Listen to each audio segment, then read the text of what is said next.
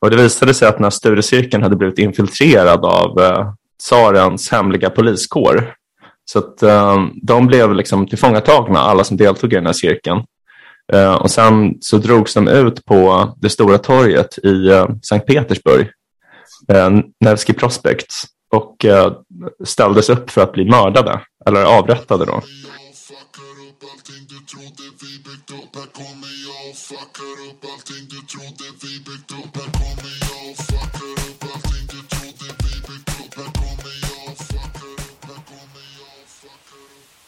Hej och välkomna till ännu ett avsnitt av podcasten Om och Men, där vi reder ut det ni tycker är krångligt och krånglar till det ni trodde var utrett.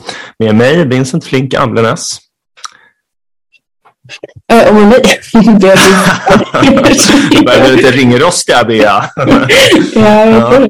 Ja, vad är det egentligen som har hänt sen sist? Eh, ja, men jag har haft lite ledigt, det kanske är det. Jag har helt, eh, helt tappat greppet. Mm. Eh, nej, men, mm, vi har, vi två, och med Plastfond har varit på teater. Det, Ja. det var kulturellt.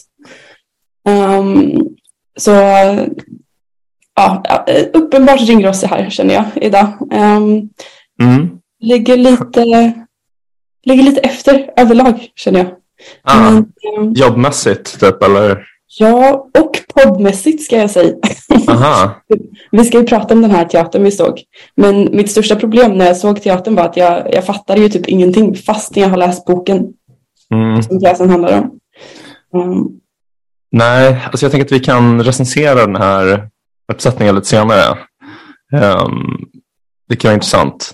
Men ehm, jag kan berätta lite om, alltså för, för, för saken är dagens ämne är då Dostojevskij, eh, författaren Dostojevskij. Mm. Eh, och vi, vi har varit och sett en uppsättning av eh, en dramatisering av hans roman Brott och straff. Och ehm, innan vi gick dit, det var jag och Bea och våra respektive, ehm, så gick vi åt middag på eh, Laneta mm. som eh, är typ ett, eh, ett av mina favoritställen som nu har öppnat en bar som ligger typ vid PK-huset. Mm. Ja, och det var jävligt nice. Men jag drack en, en grej som var så himla god där, apropå att jag aldrig testar nya saker. Mm. Eh, och det var en sån jävla flippig grej, alltså när man tänker på det. Det var typ så här, worcestershiresås blandat med öl och typ jättemycket svartpeppar och chili. Alltså det var liksom som en Bloody Mary fast öl. Mm. Den hette Michelada. Mm. Eh, och jag har varit tillbaka dit tre gånger efter det, bara för att dricka Michelada.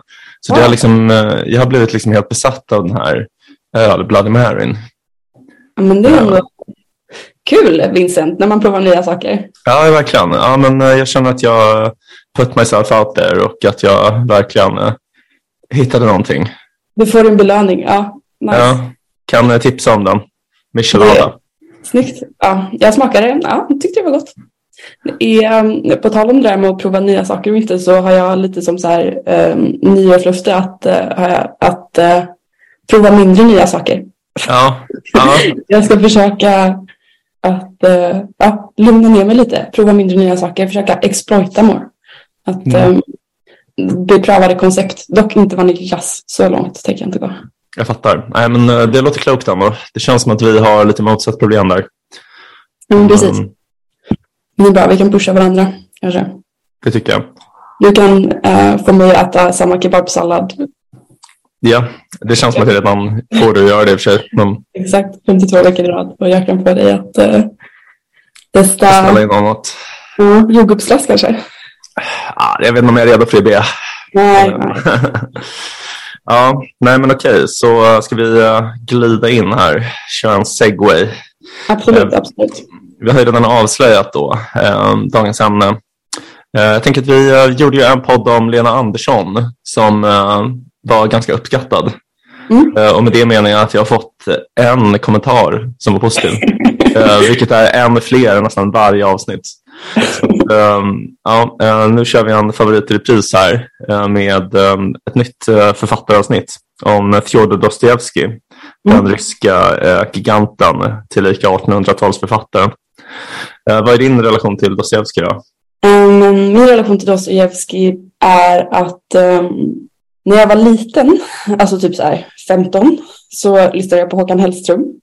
Mm. Um, och um, hans, han, jag, det var så här, jag läste en artikel med Håkan typ om, uh, om hans favoritböcker och då Dostojevskij ah. anteckningar från ett källarhål, en av dessa böcker. Ah, intressant. Så, när jag var typ 15 försökte jag läsa den och uh, fattade ingenting. så uh, då tänkte jag, ah, jag vet inte riktigt, det här känns inte så bra. Um, men sen så när jag pluggade litteraturvetenskap på universitetet så var jag tvungen att läsa liksom brott och straff. Undrar om jag läste, ja, jo, men då, och då tyckte jag att den var att den var liksom asnice för då diskuterar man ju boken väldigt mycket också och att det är en sån där bok som kanske ja, men som man behöver kanske diskutera för att så veta vad man ska ta med sig från den egentligen. Mm. Um, så ja, men, alltså det är väl typ det som är min relation och att så här, man vet att han var han är en av giganterna liksom. Um, ja man har en liksom, respekt för honom utan att ens kanske ha läst så mycket eller ha så, så bra koll. Eh. Ja, exakt. Ja, men det är kul. Alltså, han är väldigt närvarande i populärkulturen. Och jag tror att det dels beror på att han var liksom ett geni, ett litterärt geni, men också på att han hade ett extremt fascinerande liv. Det är ofta det folk tar upp när de pratar om Dostojevskij, att han Alltså man, man, kan dra det lite kort, då, typ att han, han föddes på 20-talet, 1820-talet. Och han hade ett väldigt, väldigt kort liv. Alltså när han var 25 så debuterade han med en bok som hette Ar Arma människor eller Fattiga, fattigt folk, typ, eh, lite olika översättningar, som är ganska dålig. Alltså typ om man läser den nu så det är väldigt lite man känner igen från hans bra romaner som han skrev senare i livet. Det är liksom uh, ja, väldigt så här, melodramatiskt och typ så, ja, det är en massa fattiga människor som det är så, så himla synd om. Och så här, ja.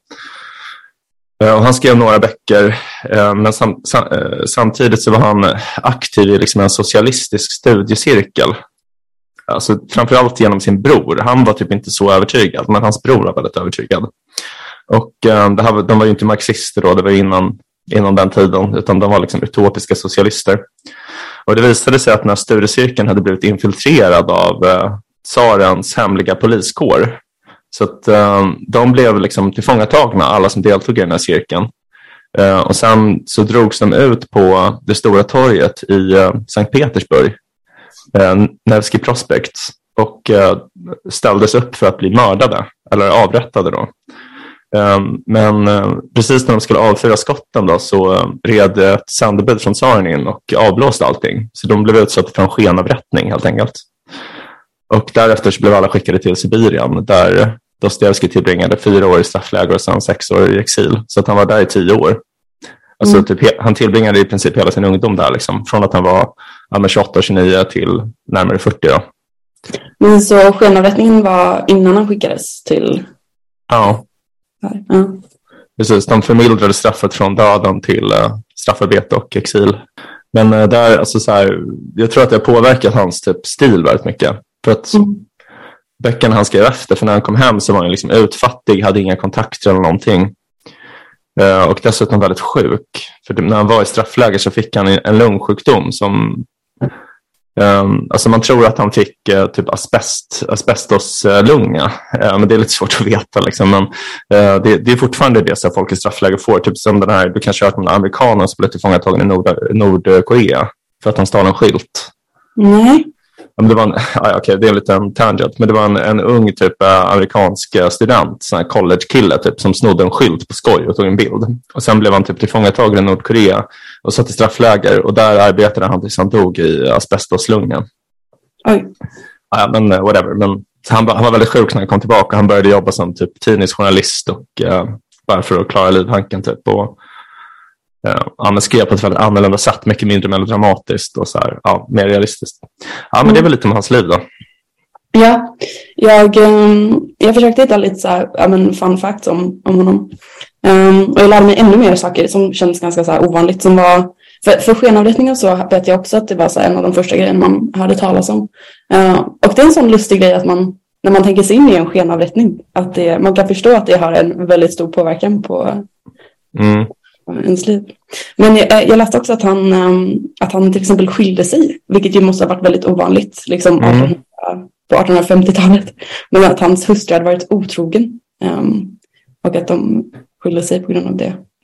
Och sen att han också så här, mycket lidande, att han hade epilepsi och fick så här frekventa epileptiska anfall. Mm. Och um, att hans far mördades av uh, livegna och sådär. Ja, precis. Det, det är många som har, Freud var väldigt fascinerad av Dostojevskij och han säger att uh, Dostojevskijs epilepsi var psykosomatisk på grund av hans relation till sin far. Mm. Um, att, det hade, att, att den började precis när hans far blev mördad. Mm. Um, ja, jag vet inte, det är nog inte sant men det säger lite om Freud. Ja. Ja. Det var faktiskt kul. På tal om vad jag har gjort sen senast så var jag, jag var i um, Wien över nyår. Um, ja, fan vad coolt. Ja, uh, men då var vi i Freuds uh, hus. Ah, wow, wow. och hans liksom eh, kontor och sådär. Men eh, ja, gud vad man Freud ändå känns som att han bara lajvade. Typ. Att det Han fick lite feeling och uh, körde på. Ja, jag tror han riffade jävligt hårt alltså. Ja, det tror jag också. Men eh, ja, ändå en förnyare. Alltså, jag tror ändå han var bättre än sina föregångare. Ja, det är säkert sant. Mm. Och det, um, ja, han hade ett nice kontor i alla fall. Nice. Det ju som han hade eh, en hel våning för sig själv typ. Och så var det så här, hans hus och lägenhet var i ena sidan. Och sen så gick man genom liksom trapphuset bara över Mm. precis över trappan så låg eh, kontoret och mottagningen där. Mm, coolt. Hade han jättemånga små figurer som man har hört att han hade? Ja, Alltså, precis. typ här- samlade på porslinsfigurer.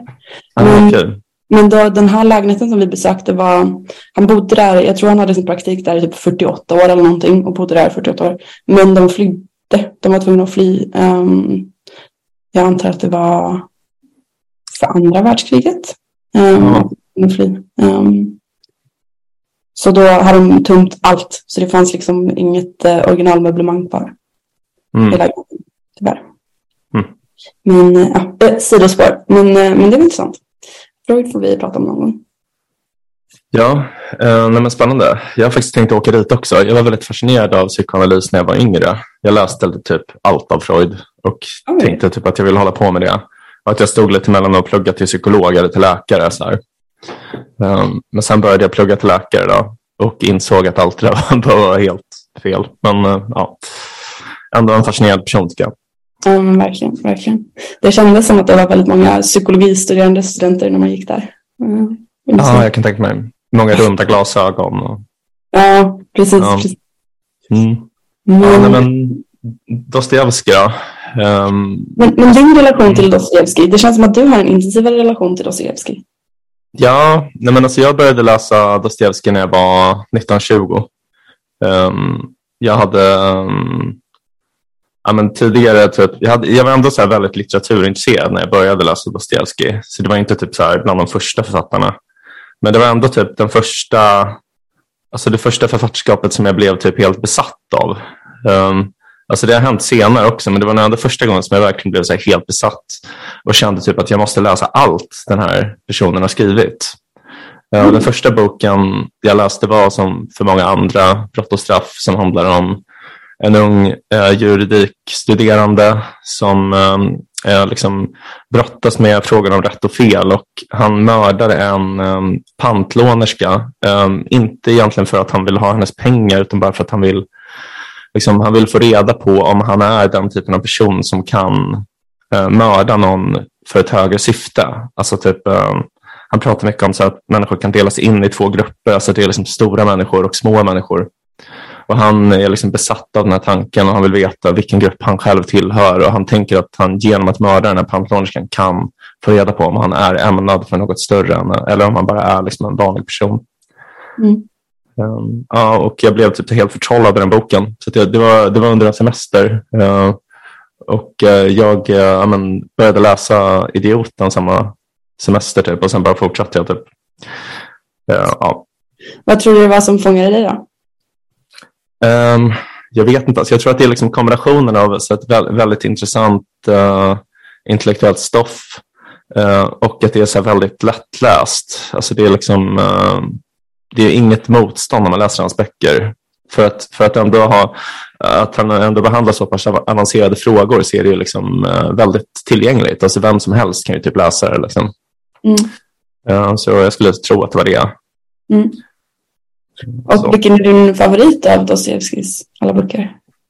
Um, jag vet inte, jag skulle säga Bröderna Karamazov. Det var den sista boken han, han skrev. Han Mm. skrev den, eh, den kom ut i sin helhet, alltså, jag tror det var ett år innan, jag tror den kom ut 1880 och att han dog 81. Och det är typ, um, alltså han är, man kan ju säga att han har skrivit liksom, eh, fyra stora romaner. Alltså hans fyra bästa böcker är liksom, uh, Brott och straff, Idioten, Onda andar och Bröderna Karamazov. Och Bröderna Karamazov är lite som typ ett hopkok av de andra tre. Ja, det, är tre det är tre bröder då, alltså Ivan, eh, eh, Dmitri och Aljosha. Mm. Och typ, Dimitri är lite som Stavrogin i Onda andar, Ivan är lite som Raskolnikov i Brott straff, Aljosha är lite som Myshkin i Idioten. Så det är liksom som hans tre, alltså protagonisterna i de tre föregående romanerna är liksom, dyker upp, alla upp i en annan form i Bröderna Karamazov. Så det är lite hans best off kan man säga. Mm. Kul. Um, jag har bara läst halva. Läsa. vad, vad, men under andra har jag ingen koll på. Eh, nej, alltså det, jag tycker att det verkligen är, jag, tror, jag skulle kanske säga att jag tycker det är hans näst bästa bok, men den är väldigt liksom, eh, den är typ kanske mer egentligen idéhistoriskt intressant. Den handlar väldigt mycket om eh, alltså typ de tankeströmningar som föregick kommunismen i, eh, i Ryssland. Alltså eh, socialismen och typ nihilismen. Och eh, det är liksom, eh, titeln är en anspelning på ett ställe i Bibeln. Jag vet inte om det är kanske Matteus evangeliet, men det är liksom någonstans där det är onda andar som har eh, eh, liksom tagit besittning av några svin. Och de här svinen typ springer ut för ett stup och dör. Och Alltså svin som, som människor som är... Nej, Eller grisar. alltså, grisar, alltså djuret grisar. Okej. ja. Eh, och alltså, Dostojevskij menar att det är det här som har hänt med typ Rysslands ungdom. Att det är de här typ socialistiska, nihilistiska andarna som har tagit ungdomen i besittning så att de rusar mot sin egen undergång. Oj. Eh, och han blev ju väldigt hånad för det här liksom överdrivna bildspråket. Men historien har ju givit honom rätt. Alltså jag menar, det var ju de här människorna som ledde till eh, revolutionen och Sovjet, typ eh, den största Ja. tragedin i mänsklighetens historia. Liksom. Mm. Um, ja. Så ganska intressant, kan tipsa om den boken. Ja, men kul. Ja, jag, ehm, som sagt, jag har bara läst Brott och straff egentligen. Ehm, och jag märkte ju som sagt när vi såg på, på den här uppsättningen på Dramaten Ja, att eh, jag kommer ihåg, eh, jag antar att vi får spoila boken i det här eh, ja men gud. Ja. Det jag kommer ihåg av Brott och straff, eller det är så här, det var ju att så här, ja, Raskolnikov, eh, huvudkaraktären, um, mördar en pantlonerska mm. och sen ångrar han sig. Um, sen kommer jag inte ihåg liksom alla de här um, intrigerna däremellan och liksom så här, eh, alla andra karaktärer hade jag helt förträngt. Liksom. Mm. Så jag hade lite, lite svårt att hänga med i, eh, i uppsättningen. Men, men det var ju väldigt mäktig uppsättning får man väl ändå säga ändå. Eh, Den har ju fått väldigt bra kritik. Eh, så hade väl också ganska höga förväntningar. Typ, Mm. Ehm, men han var ju fantastisk, Gustav eh, Lind, som Raskolnikov. Absolut, han var jättebra. Mm. Det var väldigt konstig scenografi. Eh, det var liksom, scenen var typ helt nedsläckt. Eh, och sen var det jättestora möbler, men också jättesmå möbler. Ja. Alltså typ, det, var, det var sex stolar, varav två var typ så här stora som kanske tio människor. Två var lite för stora. Alltså bara som en vanlig stol, men bara lite, lite för stor. Ja. Och sen två av dem var liksom alldeles för små. Ja, Jag- förstod typ inte, man fick aldrig någon förklaring för varför de där stolarna stod där. nej jag vet. Det var, li- men allting, um, jag, liksom googlade efteråt så här, försökte fatta. Eh, och då, då stod det om scenografin att det, var, det skulle påminna om människans litenhet. Eller någonting. Att Ja, fy allting fan var- sökt alltså. Väldigt stort. Jag vet, men det är ofta så när man går på teater tycker jag. Att man så här bara, alltså jag förstår inte vad de, vad de vill. Alltså så här att man, alltså istället för att så här försöka, när de ska experimentera så mycket med scenografi eller liksom med, alltså typ lite i mina ögon krångla till det. Typ. Ja. Så blir det att jag mer fastnar i att tänka på att så här, jag förstår inte det här. Än att jag liksom kan försöka följa med eller uppskatta Ja, upplevelsen. jo, nej, men jag förstår menar. Alltså, jag tycker inte att det brukar vara så konstigt ändå. Alltså, för, för det var så himla malplacerat. Alltså, det, det är typ som om så här, jag skulle typ delta i en politisk debatt men jag hade med mig typ en uppblåsbar krokodil som jag aldrig nämnde något om eller förklarade något om. Jag bara höll den under armen och liksom refererade aldrig till den på något sätt. Det är bara, så här, bara för att typ psyka folk. Eller så här, jag, jag, jag, jag fattar det är en sån helt obegriplig gimmick. Liksom. Två jättestora stolar bara för att mindfucka oss. Mm. Gud vad kul det hade varit ifall du, det borde man göra. Det är något sorts power move ändå. Ja. Och gå omkring och bara håller en krokodil. Alltså, Särskilt om det är en levande, men en uppblåsbar. ja, verkligen. Men han, eh, du vet Christian Lok, alltså hans bror, han var med i typ Galenskaparna och han verkar vara typ en, en, en galenskapare. Och han, under en period i sitt liv så hade han med sig en trombon vart han än gick. Men han spelade inte trombon. Han, hade, han, han sa aldrig något om det. Och om någon frågade varför han hade med sig det så sa han bara som det var. Bara, Jag har bara med mig den överallt. Så, så, så bara för, för han liksom ville veta så här, hur kommer folk bemöta mig nu när jag har den här trombonen. Typ. Ja, Det är en extrem form av så här peacocking, liksom. Att man, eh, Ja, eh, det här när man, om man har läst den här The Game, om hur man raggar och sånt, typ. Att eh, man ska peacocka, alltså att man ska ha något klädesplagg, typ någon hatt eller någonting så att man sticker ut lite. ja. Eh. Det, ja, ja, nej, man kanske borde prova det här. Har du läst det här förresten om uh, Cobra Tate? Vad som har hänt med Cobra Tate? Ingen aning, vad är det? Ja, men du vet han, heter han inte Andrew Tate? Alltså, han är, men han är en sån här mans, eh, alltså, jag, jag vet inte, men alltså, han är en sån här som har stora muskler och liksom uh, Någon mycket, mycket pengar. Ja, typ så här. Och, eh, han har någon skola som heter typ eh, Academy, bla bla bla Academy, typ uh, Macho Academy eller whatever. så man kan gå för att typ lära sig bli som honom, bli typ en cool miljonär. Och han, har, tjänat, han har tjänat pengar på pornografi Ja. eh, i, som spelas in i Rumänien. Ja. Och eh, nu har han blivit tagen för uh, människohandel. Så han sitter Oj. häktad i Rumänien för människohandel. Så till en viss, vissa av de här eh, eh, personerna som medverkar i pornografin är liksom tydligen eh, offer för människohandel, menar då myndigheterna. Oj, ja. Eh. Han har också hamnat i bråk med, eh, vad heter hon, den här lilla flickan som är Formel 1. Eh, Greta Thunberg. Ja, exakt, exakt. De har bråkat på Twitter. Um, ah, ja, whatever. Ja, gud, vem vann? Greta eller? Eh, jag skulle säga att hon vann. Eh, Ja. Faktiskt. Vad var det han... Jag antar att det var miljön då, eller? Han sa... Eh, nej, alltså han, han skickar bilder på alla sina bilar som han har. Typ, och bara, jag, Greta Thunberg, jag har alla de här bilarna, vad tycker du om det? Typ. Och då sa hon typ så här, jag tror att du har en liten snopp. Eller något sånt där. Så det var ganska mycket Twitter-stämning. Ja. Vilken... Ja, men, men det låter som en, en fin kille. Det, eh, vi får ha ett avsnitt om Andrew. Cobra. Tate. Jag Ja. vet inte hur jag kommer, riktigt kommer att tänka på honom. Ja, just det, The Game. The Game. Ja, ja. Ja. Har du läst den? Eller? Jag vet inte, jag, jag, jag har inte läst den. Ja, men jag har läst den tror jag för många år sedan. Eh, absolut inte. Alltså, så den är ju kul att läsa som liksom någon sorts um, social studie. Um, och peacocking funkar absolut tror jag. Alltså, så här, jag, när jag, har, um, jag var ganska blyg när jag var yngre. Och då, um, då, fun- då var det liksom så här. Att ha spexiga kläder på sig på något sätt var ett sätt som folk började prata med mig så slapp jag gå och prata med dem om du förstår. Ja, jag fattar. Så, så det finns absolut användbart stoff där i också. Sen så är det väl det här, det som den är mest känd för är väl typ peacocking och negging. Och att negging är en sån, att det har blivit riktigt etablerat. Um, um, det när man är så riktigt taskig mot någon? Typ? ja, precis att man raggar på någon genom att negga den. Alltså att säga någonting negativt, typ så här, oj vilken ful tröja du har. eller Någonting. Mm. Ehm, och att då, ja, att den personen ska bara, va? Nej, min tröja är inte alls ful. Och så, så är samtalet igång och det är, jag vet inte, passionerat eller någonting. Mm. Ja, eller är det inte också att man ska typ säga något som låter som att det är positivt, men sen när man tänker på det så är det en förolämpning? Ja, Jag bara, ja, men gud vad starkt att du går ut trots att du är så sliten. Typ. Så, ja, jo, men det, det är sant, så kan det också vara.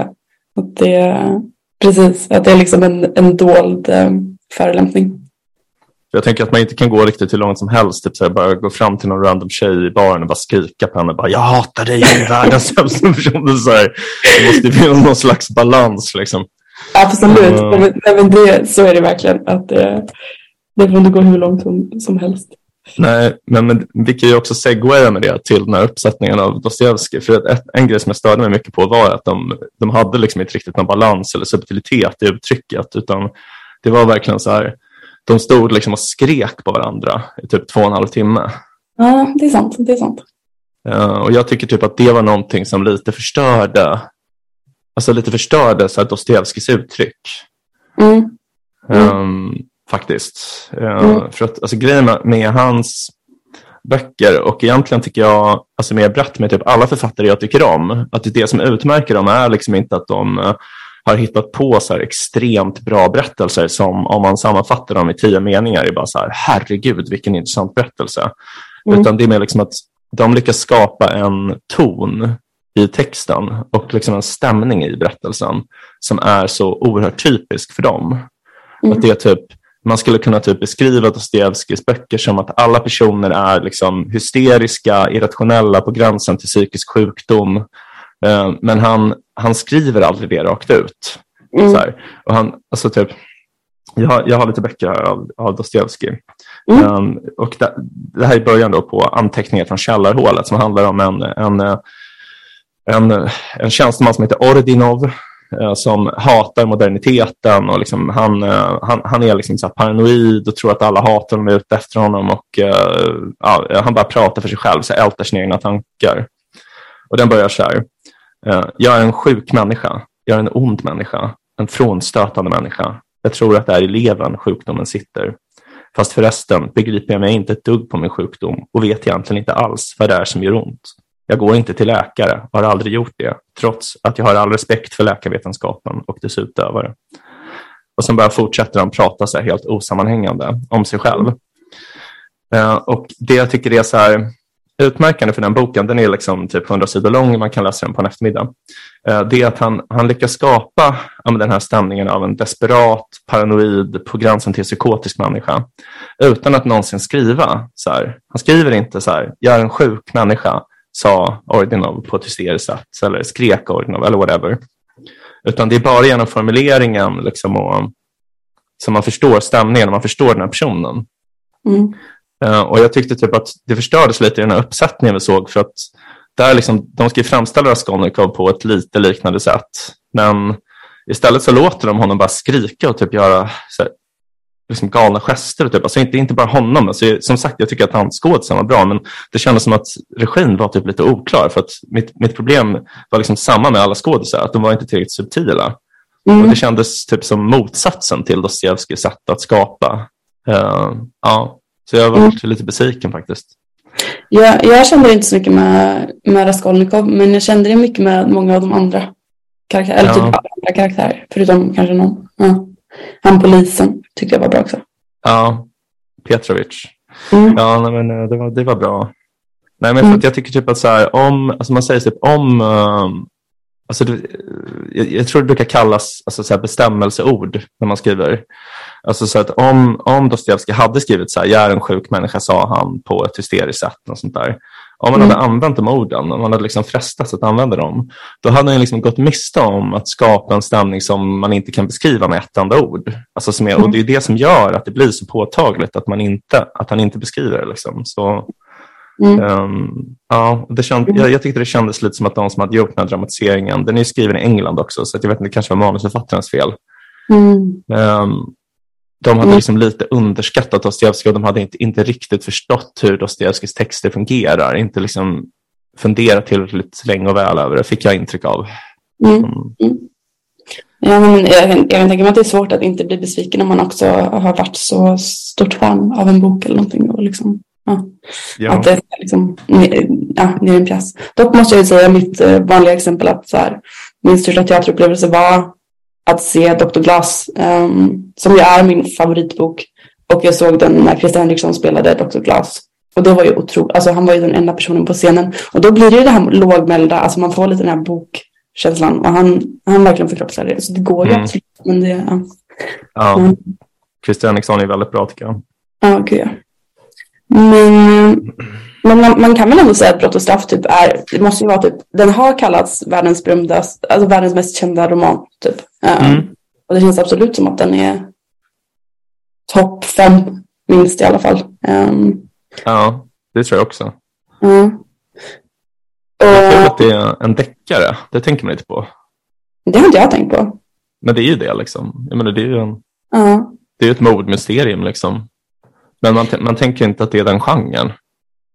Mm, nej, men hur tänker du att, att eh, det är ett mordmysterium? Man vet väl att Raskolnikov har gjort det? Ganska tidigt Jo. att läsa det. Men att man vet inte om man kommer åka dit eller inte, typ, eller man ska säga. Nej, det, det är sant. Läsaren vet ju. Men eh, ja, det är liksom ett mordmysterium för karaktärerna i boken. Alltså man, Mm. vet, man, vet ju inte, man vet ju inte hur det ska gå. Liksom. Mm. Ehm, nej, nej, det gör man inte. Men, ehm, men om man ska liksom fundera på varför den har blivit en sån klassiker. ehm, du, har du några så här spontana tankar? Jag, jag tänker att, um, att det, är, det är väldigt eviga frågor. Typ att det är liksom så här, um, frågan om gott och ont. väldigt Mm. tydligt. Och liksom så här, var, var de gränserna går. eh, vem som är god eller ont. Och så tänker jag också frågan om makt känns också väldigt närvarande. Eller det, det, nej, jag, eh, ett stycke som fastnade med mig var eh, när han sa liksom att eh, makten endast ges till den som har mod att böja sig ner och gripa den. Det är bara en sak som räknas, att man måste våga. Eh, och eh, och det, var, det var då han, det var så liksom han, eh, han fick lusten att våga. Eh, och då mördade han pantlonerskan.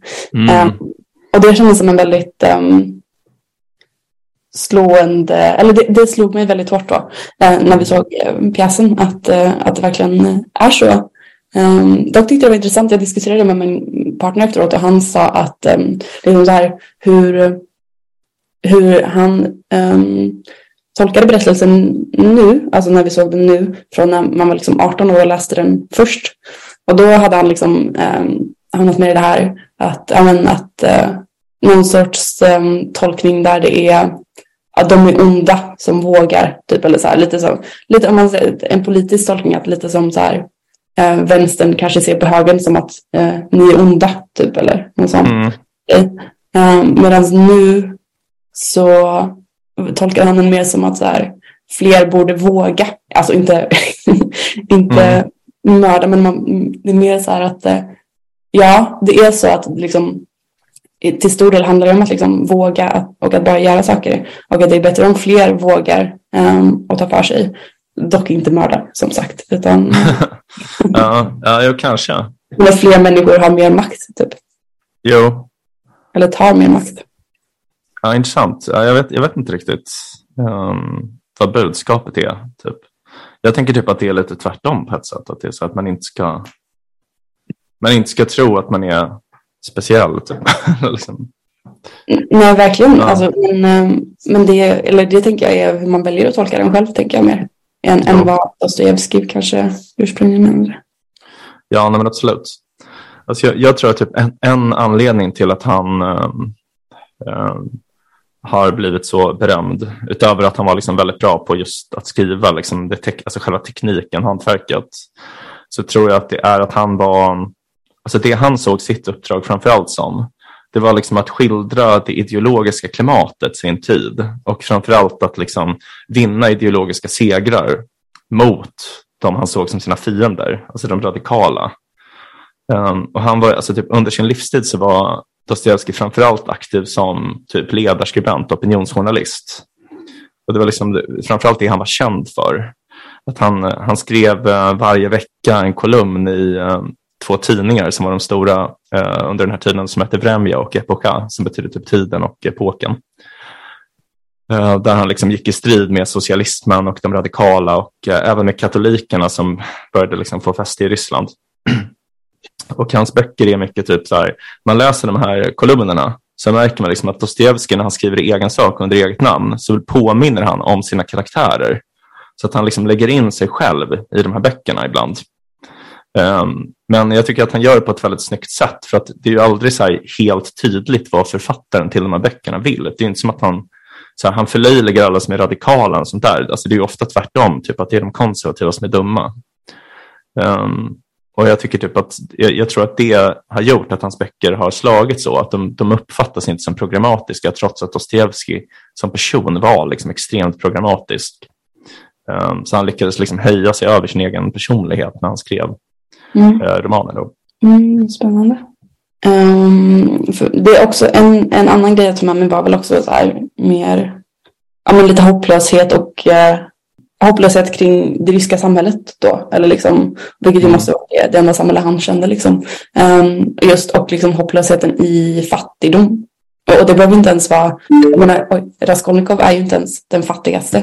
Um, men uh, det är bara väldigt mycket misär liksom. Uh, och uh, svårigheten att ta sig ur det, typ som Sonja som är den här karaktären som Raskolnikov blir väl, får man väl säga, förälskad i eller liksom att de har en relation. Och att hon till exempel var uh, tvungen att prostituera sig för att försörja sin familj. Mm. Ja, det är sjukt mörkt allting. Ja, verkligen. Det var ganska kul i, uh, alltså typ Sonja, hennes pappa träffar, alltså så här, uh, Raskolnikov kommer i kontakt med Sonja genom att han träffar uh, Sonjas pappa uh, på en pub och den här pappan berättar hela sin livshistoria, bland annat att hans dotter som är typ 16 har blivit tvungen att prostituera sig för att försörja familjen eftersom han gör slut på alla familjens pengar på att dricka. Så, mm. På sitt missbruk. Då. Um, och um, den, uh, alltså deras familj då heter Marmeladov. Ja. Han är då herr Marmeladov. Uh, och uh, det är liksom, låter ju kul på svenska för att man tänker på marmelad. Men det är ju, mm. på ryska är ju inte det ett skämt. Alltså, så det är ju inte ett skämt det namnet. Så det är ju bara hans namn. Typ. Men det var så kul på, för att på, i den här dramatiseringen så dyker han upp och säger så här, mitt namn är Marmeladov. Och då märkte man att det var jättemånga som skrattade så helt ohämmat. det var så jävla kul. Typ. Och sen var det som att det här skrattet blev på något sätt rumpugget när de förstod så här att oj, men vänta, nej, det är ingen annan som skrattar, det här var inget skämt. Fan, jag har gjort bort mig, ja, nej, ja, typ. ja. Det var ganska kul. Man märker i, i salen att det ja. Ja, exakt. Um, ja, jag tyckte det var jävligt kul. Mm. Men, uh, ja, nej, men det, jag tycker, det var ändå kul att vi gick. Men jag vet inte, jag, alltså, jag är besviken faktiskt. Jag tycker det är, liksom, det är svårt där med teater. För de, jag, vi kanske har sagt det i något tidigare avsnitt. Men de, alltså, så här, Dramaten är ju liksom den enda bra teatern vi har i hela Sverige, tycker jag. Mm. Och uh, det är ju ändå bara, alltså, jag menar, de har ju bara så många uppsättningar. De måste ju tävla mot typ, så här, allt på Netflix och HBO som är bara så här, ett sammankok av de största talangerna i hela världen. Liksom. Så det är liksom inte platsbundet på samma sätt. Så det är, alltså jag fattar ju att det är skitsvårt att göra någonting. Alltså för att jag menar, typ, du och jag, alltså, eller liksom folk i vår ålder som bara kollar på så internationella streamar, vi är så jävla bortskämda för att vi ser ju bara saker som är bra. Liksom. Mm. Verkligen. Um, och att jag tänker att så här, um, men teater, det är ett annat uttryck också än att se på liksom en tv-serie eller någonting. Och att man på något sätt behöver träna sig på att se det eller vänja in sig vid liksom så här, att de behöver vara liksom lite mer övertydliga kanske eller mer gestikulerande och det är svårare att vara liksom um, diskret uh, på det sättet och att då man får någon sorts lite uh, motreaktion kanske först om man, jo, det är sant. Ja, bara tv-serier. Men tänkte du på det här Robin Hanson skriver om uh, teater då? Att så här, anledningen till att man fortfarande har det på scen är typ att folk blir så himla imponerade av att, att skådespelarna kan komma och hålla allt i huvudet. Så här, att man inte mm. kan göra en ny tagning utan alltså, det är så signaling, liksom, att man visar typ, oj, det är så avancerat. Typ. Ja. Men det, det köper jag nog ändå lite. Eller när jag tänker på liksom det som jag som sagt, eh, den uppsättningen jag precis nämnde där det bara var liksom um, Christer Henriksson på scenen i liksom mm en och en halv timme eller någonting. Och han bara håller en enda lång monolog. Och det är liksom, ja nej men absolut, det är ju typ det jag är mest imponerad av kanske. det är sådana suckers för signaling liksom. Ja, verkligen. Mm. Ja men det, jag köper det. Ja, och sen så överlag bara att det, liksom, det är mer av en, ett spänning i luften generellt om man ser någonting live. Liksom. Det är ju sällan mm. saker live på tv. Liksom. Ja, jag skulle vilja gå på en livekonsert. Alltså jag tycker det känns mer, alltså för att då är det verkligen så här, man känner basen i hela kroppen, det är liksom människor runt en som dansar. Alltså det känns mer som att det är större skillnad mellan att lyssna på musik på Spotify och att gå på en livekonsert än vad det är skillnad mellan att typ se en serie hemma och typ se samma serie dramatiserad på en teater. Mm. Ja, Ja men så är det säkert. Jag håller med om just det här att det är ju ganska oslagbart att uh, få en riktigt fet live uh, musikupplevelse. Mm. Att Um, ja, men som du säger, att det blir, det blir väldigt fysiskt på ett annat sätt eftersom det är så påtagligt när liksom basen får hela kroppen att skaka. Typ. Ja. Svårt att förneka. Ja. ja, men det måste vi göra en gång. Ja, verkligen. Men um, okej, okay. har du något mer om liksom, Dostojevskij? Jag tänker din, um, eftersom han är din, är han din största uh, författaridol? Liksom? Um, jag vet inte, han var nog det förut. Men jag skulle kanske inte säga riktigt det längre ändå. Mm. Um, men jag har typ lite svårt att säga vem som är min favoritförfattare. Topp fem i varje fall. Han är absolut en av de författare som har påverkat mig mest. Liksom. Mm. Men, um, ja, jag kan rekommendera alla böcker. Men alltså, om man typ känner så här, nej, men jag orkar inte läsa en lång jävla bok som kommer krossa min hamster om jag tappar den. Mm. Så kan man läsa den här um, anteckningar från källarhålet som tydligen även uh, Håkan Hellström tyckte om. jo, då, då vet man att det är bra. Ja, men han, alltså, jag tycker Håkan Hellström verkar vara en väldigt uh, bildad person faktiskt. Uh, alltså, det är mycket så referenser till typ, så Evert Taube och liksom, mm. ja. Jag tror han är en sån som har nördat ner sig i vissa saker. Ja, jag gillar honom. Jag hatade honom när jag var alltså, typ tonåring. För det var en sån här grej typ att alla killar skulle hata Håkan Hellström. Jag vet inte om det var mm. så. Mm, så, så var det verkligen och jag gjorde det fram tills, um, fram tills jag var 15 typ. För min, jag hatade Håkan för att min storebror hatade Håkan och då tänkte jag att jag ville vara cool typ. Um, mm. Och sen så började jag lyssna på honom och så tyckte jag det var bra. Ja, han är asbra verkligen. Mm. Jag, jag, jag, vet typ inte riktigt varför det var så. Men var det att han var typ en flickidol kanske? Att man var avis typ? Eller att man... Alltså, ja, för jag, när jag tänker tillbaka på vad jag sa så var det ofta typ så här, men han, lå, han tar från andra artister typ. Uh. För att jag, tyck, jag tyckte jättemycket om Morrissey, som uh. är sångare i The Smiths. Uh. Och uh, han, jag tror att det är Every Day is like Sunday som är en Morrissey-låt, så sjunger han Come Come Nuclear Bomb. Mm, och det, ja, det har ju Håkan Hellström gjort någon atombomb-shit liksom. Ja, men det är ganska mycket som eh, Håkan var besatt av Morrissey. Um, ja. Så det är ganska mycket Morrissey-referenser överlag. Uh, nu kommer jag inte på en enda bara för det. Men, men jag vet att det är liksom, det är inte bara det. Um, han dyker upp lite här var. Uh, ja. ja jag, vet, jag, vet, inte, jag har väldigt dålig koll på Håkan Hellström. Men jag har hört några låtar som jag gillar. Ja, men, äh, men som sagt när jag var tonåring så, äh, så lyssnade jag mycket. Han är nog absolut den artist jag har sett. På tal om livemusik, den artist jag har sett äh, flest gånger live och att han faktiskt är riktigt bra live. Alltså att man dansar sjukt mycket. och det är nice. Mm. Jag, jag såg... Jag på en av hans konserter. Det är lite tuntigt. Är det sant? Ja. ja. Alltså av vad? Eller liksom... Nej, men det var... Alltså det här var... Av känslor typ? Nej, det, känns, det var väl typ en grej att det stod en massa så här Håkan-tjejer längst fram och, och svimmade. Men jag stod någonstans, det var när han spelade på Ullevi första gången typ. Och då liksom, att man hade varit ute i solen hela dagen och typ druckit alkohol och sen så, så här, hamnade man i en väldigt trång eh, stor grupp människor. Eh, och eh, jag vet inte varför, men jag svimmade i alla fall. Och fick ja, liksom, ta mig till, eller de som jag var med fick ta mig till sjuktältet. Och så fick jag en så här Dextrosol typ och sen var jag på gång igen. Ja. Shit. Mm. Ja, men eh, dramatiskt ändå. Men du simulerade inte, du slocknade på riktigt liksom? Ja, jag föll ner liksom på knä och ja, sjukt. ihop. ja, coolt. Ja, det var jag hade... Vad sa du? Jag simulerar inte. Nej. Men, eh, ja, alltså, första gången jag var på uh, Håkan Hellström-konsert så hade jag och Lona, min tjej, precis blivit ihop och vi var väl, uh, jag tror jag var kanske 18 eller 19. Jag tror jag var 19, hon var 18 kanske. Mm. Uh, och då um, var vi på hennes landställe i Bohuslän och så spelade han på ett, en scen utanför Grebbestad. Mm. och um, jag um, är ganska lång liksom. Så eh, det var liksom jag, Lona och sen liksom en miljon tjejer i typ Lonas size, ganska så här, liten typ. Ja. Alltså de flesta var typ 1,60-ish. Mm. Och han, delade, han kastade ut så här rosor. Och jag var i så jävla bra form då också. För jag spelade basket typ så här, ja, men, sex gånger i veckan minst. Liksom. Mm. Så jag hoppade upp och så tog alla de här rosorna typ. Efter ett tag så var det som att han tittade och bara, men vänta lite, vem är den här enorma mannen som bara står och tar alla rosor typ?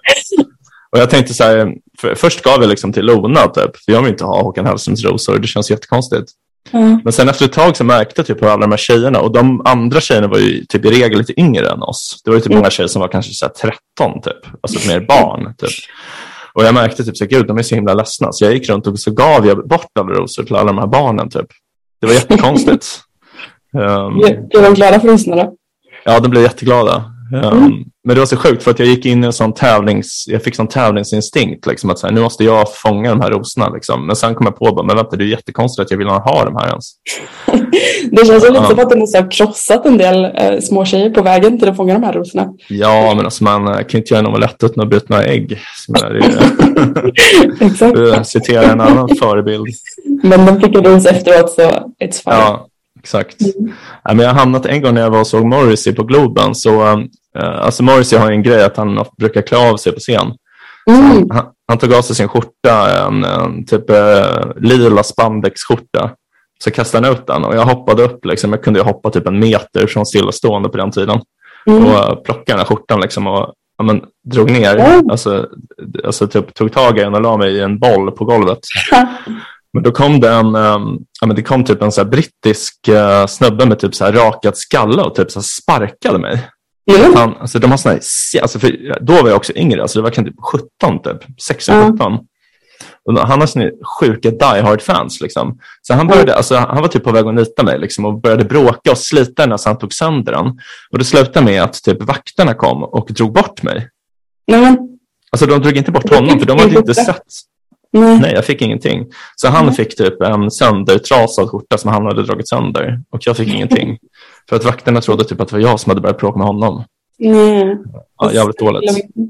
På tal om Morrisseys skjortor så eh, luktade jag på dem en gång. För att eh, när han, han spelade på Way Out West för ganska många år sedan. Och då jobbade jag backstage. Och eh, hade fått, jag fick den enorma turen att bli liksom någon sorts personlig assistent till hon som var ansvarig för Morrissey. Så Ah. Vi fick så här preppa han. Han hade liksom en helt... Eh, vanligtvis på backstage-området så är alla artister ganska så här blandade typ. Ja, Men han hade fått en hel del som var liksom avskärmad bara för honom och det fick man bara gå in om man hade liksom så här special Morrissey pass. Eh, Mm. och så fick man så här preppa hans riderlista och sånt typ vad, vad han skulle ha. Jag kommer ihåg det var typ vaniljyoghurt, nötter eh, och så, vet inte, så hade han liksom en hel eh, sån här trailer uppsatt och så var det så här, hans stylist var där och hängde upp alla hans skjortor Mhm. på, på någon eh, mm, sån här hängare.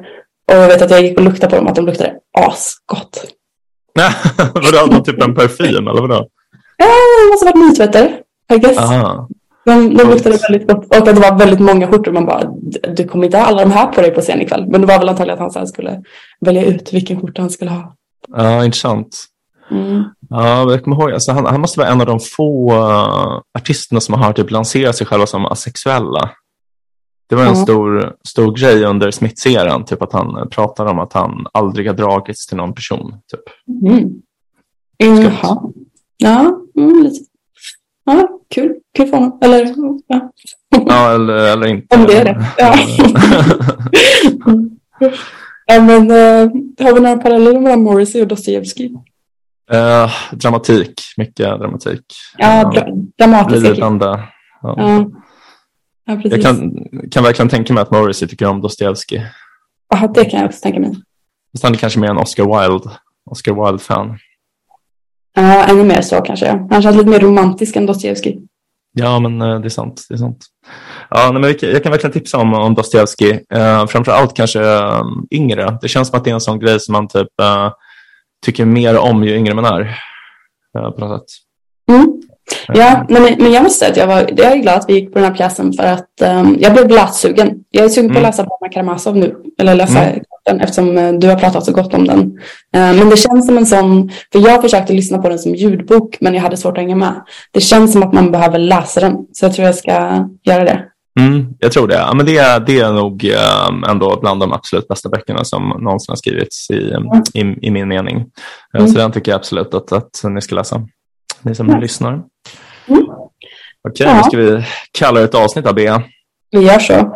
Ja, då så. Med de orden så tackar vi för att ni har lyssnat på ännu ett härligt litet avsnitt av podcasten Om och Men, där vi reder ut det ni tycker är krångligt och kanske även passar på att krångla till det ni trodde redan var utrett.